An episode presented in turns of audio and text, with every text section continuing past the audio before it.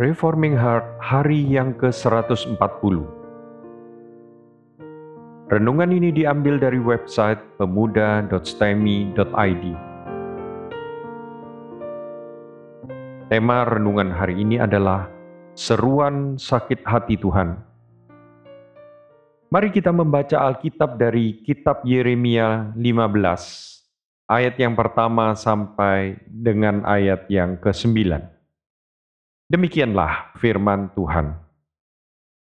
Firman Tuhan kepadaku, sekalipun Musa dan Samuel berdiri di hadapanku, hatiku tidak akan berbalik kepada bangsa ini.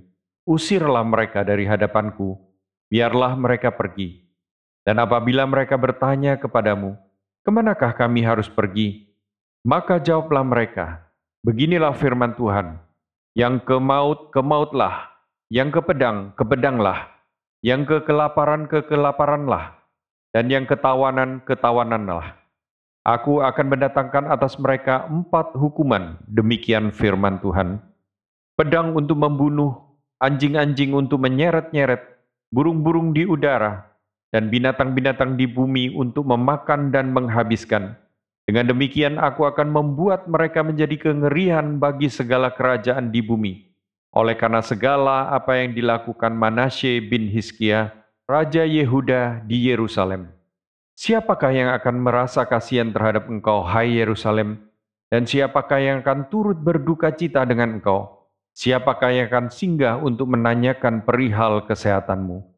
Engkau sendiri telah menolak aku, demikian firman Tuhan, telah pergi meninggalkan aku, maka aku mengacungkan tanganku dan membinasakan engkau, Aku sudah jemu untuk merasa sesal. Aku menampi mereka dengan tampi di kota-kota negeri. Aku membuat umatku kehilangan anak dan membinasakan mereka. Karena mereka tidak berbalik dari tingkah langkah mereka. Janda-janda di antara mereka aku buat lebih besar jumlahnya daripada pasir di laut. Aku mendatangkan ke atas ibu dan teruna suatu pembinasa pada tengah hari. Dengan tiba-tiba aku menurunkan ke atas mereka kegelisahan dan kejutan maka meranalah perempuan yang sudah tujuh kali melahirkan, nafasnya megap-megap, baginya matahari sudah terbenam selagi hari siang, ia menjadi malu dan tersipu-sipu. Sisa mereka akan kuserahkan kepada pedang di depan musuh-musuh mereka. Demikianlah firman Tuhan.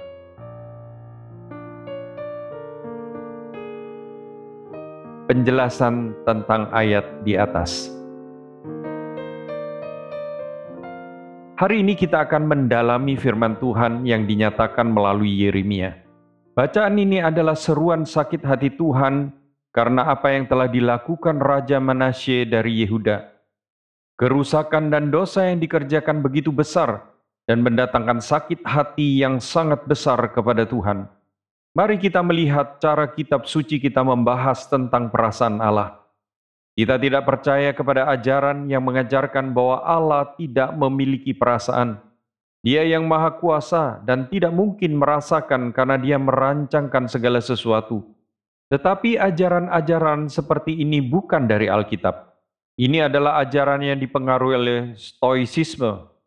Stoicisme percaya bahwa rasio murni akan mematikan perasaan-perasaan manusia dan bahwa mempunyai perasaan adalah tanda ketidaksempurnaan. Kalau Allah itu sempurna, maka dia tidak lagi mempunyai perasaan-perasaan. Kalau manusia semakin sempurna, maka ia tidak lagi mengandalkan perasaan-perasaannya. Tetapi Alkitab menyatakan bahwa Allah yang sempurna adalah Allah yang mempunyai perasaan. Dia bisa bersuka cita, bersedih, marah, sakit hati, murka, mengasihi, mengampuni, dan lain-lain. Mempunyai perasaan seperti Allah adalah tanda kedewasaan. Jika Allah sedih karena sesuatu, dan jika kita juga merasa sedih karena hal yang sama, maka itu berarti kita telah dewasa. Tanda kedewasaan adalah merasakan seperti Allah merasakan. Perhatikan bagaimana Yeremia menggambarkan perasaan Allah karena tindakan Manasye Ayat yang pertama mengatakan bahwa dia tidak akan berbalik dari murkanya, meskipun ada Musa dan Samuel menjadi imam dan mendoakan Yehuda di bawah pemerintahan Manasye. Tuhan menolak mereka, apalagi orang-orang lain. Tuhan sudah begitu marah sehingga tidak ada lagi yang dapat meredahkan amarahnya. Sekalipun itu adalah orang-orang yang penting seperti Musa, yang pernah meredakan amarah Tuhan ketika Israel menyembah anak lembu emas, dan Samuel yang pernah berseru semalam-malaman untuk Saul yang sudah akan Tuhan tolak. Dua orang yang sangat mengasihi umat Tuhan ini pun tidak akan membuat Tuhan mengubah rencananya untuk memusnahkan Yehuda. Tuhan akan mengusir mereka dari hadapannya, terbuang jauh dari tanah perjanjian yang telah Tuhan berikan kepada mereka melalui janji dengan nenek moyang mereka. Ayat yang kedua mengatakan bahwa mereka akan mati atau ditawan. Tuhan akan membiarkan umatnya diserang dan dikalahkan oleh bangsa lain. Sebagian dari mereka akan mati oleh pedang, sebagian lagi akan mati karena kelaparan oleh pengepungan musuh dan sebagian lagi akan tertawan dan terbuang ke negeri bangsa-bangsa kafir. Ini adalah gambaran keadaan yang begitu menakutkan. Murka Tuhan yang menyala-nyala membuat Yehuda seperti tinggal di tempat pembantaian. Mereka bukan lagi hidup sebagai orang buangan, tetapi lebih daripada itu. Mereka menjadi bangsa untuk dibantai.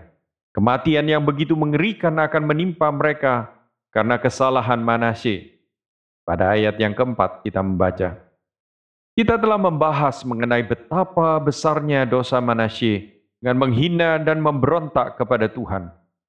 Dia bahkan membuat patung-patung berhala sekaligus mesbah untuk menyembah berhala-berhala itu dan meletakkan di bait suci.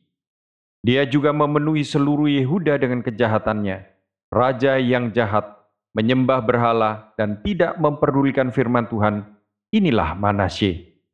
Maka Tuhan menyatakan bahwa karena kejahatan raja ini, Tuhan akan menghancurkan Yehuda sehingga Yehuda menjadi kengerian bagi bangsa-bangsa lain. Mereka akan kaget dan bertanya-tanya, mengapa keadaan Yerusalem seperti ini? Mengapa Yehuda hancur seperti ini? Apakah yang menyebabkan ini semua? Dan Tuhan akan menjawab bahwa mereka mengalami itu semua karena mereka memberontak kepada Allah mereka dan pergi beribadah kepada ilah-ilah lain. Di dalam ayat yang keenam, Tuhan bahkan mengatakan bahwa dia sudah bosan untuk menyesal menghukum Yehuda. Dia sudah bosan merasa kasihan. Mengapa? Sebab setiap diberikan belas kasihan, Yehuda tetap tidak meninggalkan dosa-dosa mereka. Apa gunanya belas kasihan diberikan kepada bangsa yang terus-menerus menghina belas kasihan Allah? Kitab Yeremia memang penuh dengan emosi murka Allah atas Israel dan Yehuda. Umat Tuhan yang telah meninggalkan Tuhan dan menghina dia serta menginjak-injak perjanjiannya dengan pergi beribadah kepada Allah lain. Umat Tuhan yang inilah yang terus-menerus membuat Allah marah. Kalimat demi kalimat hukuman dan murka terus dinyatakan dengan sangat banyak bagi Israel dan Yehuda. Semua kata-kata melawan para pemimpin Israel dan Yehuda juga telah membuat Yeremia menjadi nabi yang dibenci oleh penguasa Yehuda. Bacalah baik-baik bacaan kita hari ini. Dan kita akan melihat betapa besarnya kalimat-kalimat emosional yang Tuhan nyatakan dengan jujur kepada manusia. Tetapi setiap peringatan Tuhan selalu dimaksudkan untuk pertobatan. Kecuali peringatan itu diberikan setelah habis waktu kesabaran Tuhan barulah peringatan itu berubah menjadi nubuat penghukuman yang pasti akan terjadi. Untuk direnungkan. Melihat murka Tuhan yang begitu besar tentu membuat kita menjadi begitu kasihan kepada bangsa Yehuda. Tetapi kita harus ketahui bahwa Tuhan telah lama bersabar kepada mereka Biarlah kita sadar betapa besar kasih Allah kepada mereka, sebab hanya kasih yang sedemikian besar yang dapat merasakan disakiti sedemikian dalam.